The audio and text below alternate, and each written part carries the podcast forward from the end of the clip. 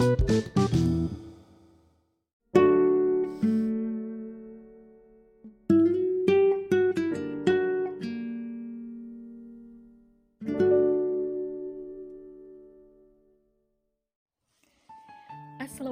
warahmatullahi wabarakatuh. Selamat datang kembali di channel Harafalin Podcast dan Rumah Harafalin Senang sekali bisa kembali hadir ke tengah ruang dengar sahabat semuanya di mana pun berada.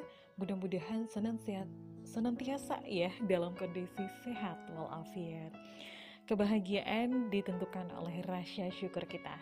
Dan Alhamdulillah saya sangat merasa bahagia ketika bisa kembali menyapa dengan hadirnya podcast ini. Dan di mana pun teman-teman berada tetap bisa mengakses podcast di channel apa pun dan untuk kesempatan pagi hari ini mohon maaf sekali karena kemarin saya tidak mempublish podcast karena lantaran ada beberapa kesibukan. Padahal saya sudah mendabing gitu ya cuman belum selesai dengan maksimal. Dan alhamdulillah pada kesempatan kali ini saya diberikan Allah nikmat syukur, nikmat iman, dan juga nikmat Islam. Hingga pada hari Jumat kita kembali lagi bertemu di sini. Dan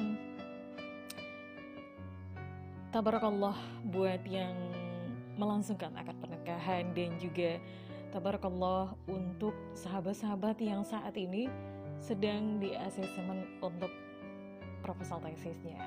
Nah, jadi sahabat sekalian, saya mengutip sebuah hal yang paling menarik di pagi hari ini adalah apa yang tak sanggup kita pikirkan akan kita serahkan dan kita kembalikan kepada Allah. Dalam artian adalah ketika kita tidak sanggup untuk mem, uh, tidak sanggup untuk memikul beban gitu, maka sesungguhnya Allah sedang mempersiapkan kita untuk menjadi insan lebih baik daripada sebelumnya. Jadi melibatkan Allah dalam segala urusan, kemudian menyertakan sekalian doa-doa yang kita panjatkan dan itu hanya kepada Allah. Insya Allah akan ada hasil yang lebih maksimal karena se, se dari dulu se, sudah disebutkan dalam ayat Al-Quran ketika sudah selesai dengan satu pekerjaan maka selesaikan juga dengan sungguh-sungguh pekerjaan yang lain maka kalau misalnya kita boleh men-challenge diri kita tidak masalah kalau misalnya challenge yang kita gunakan adalah kita boleh terjatuh, tapi kita tidak boleh berhenti. Kita boleh kecewa, tapi tidak untuk mengeluh. Kita boleh saja sesak, tapi tidak untuk menyerah. Dan kita boleh saja marah dengan keadaan, tapi tidak untuk membenci terlalu lama. Kemudian kita boleh sakit, tapi kita tidak membalasnya. Bisa jadi ini adalah cara kita untuk tetap anggun dalam moral, untuk tetap unggul dalam ilmu dan untuk tetap gemilang dalam karya. Apa pun, karena pada saat yang bersamaan ketika kita melakukan kebaikan, maka kebaikan-kebaikan kecil dan kebaikan-kebaikan yang lainnya juga akan mengikuti kita. Untuk itu, jangan pernah bersuuzon kepada Allah, apa pun jenisnya, serta apa pun bentuknya karena segala ujian itu adalah berasal dari Allah dan campur tangan Allah lah yang akan menggerakkannya. Sahabat, di pagi hari ini hidup kita ditentukan oleh apa yang kita pikirkan dan Allah meridhoi di sana.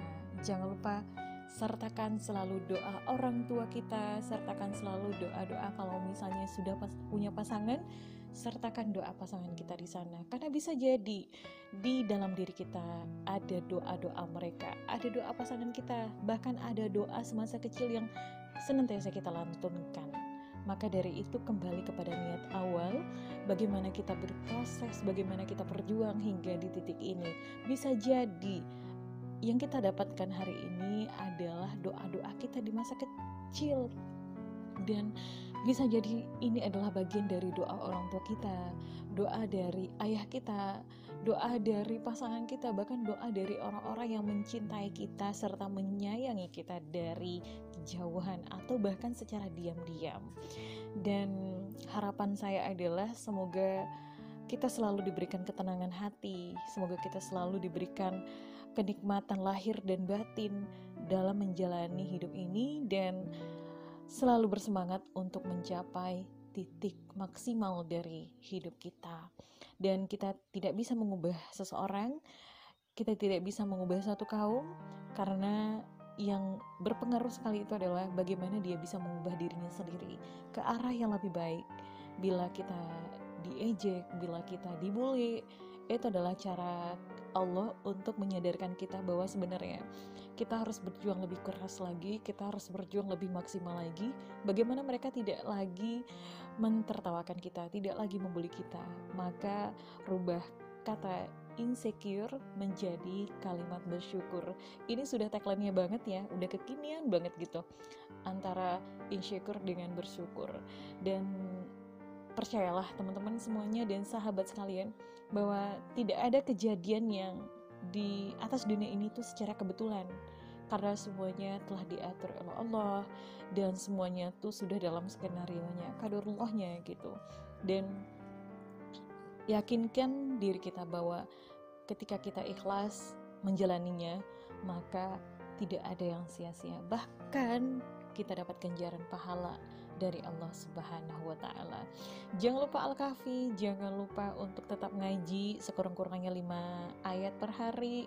Kemudian sedekah, mudah-mudahan Allah limpahkan keberkahan untuk kita dan semoga Allah pertemukan kita di jannahnya meskipun kita tidak pernah bersua secara langsung dengan hadirnya podcast bisa mempererat tali silaturahim kita dan bisa memperdalam tingkat khazanah keilmuan kita. Terima kasih. Wabillahi taufik wa hidayah. Wassalamualaikum warahmatullahi wabarakatuh.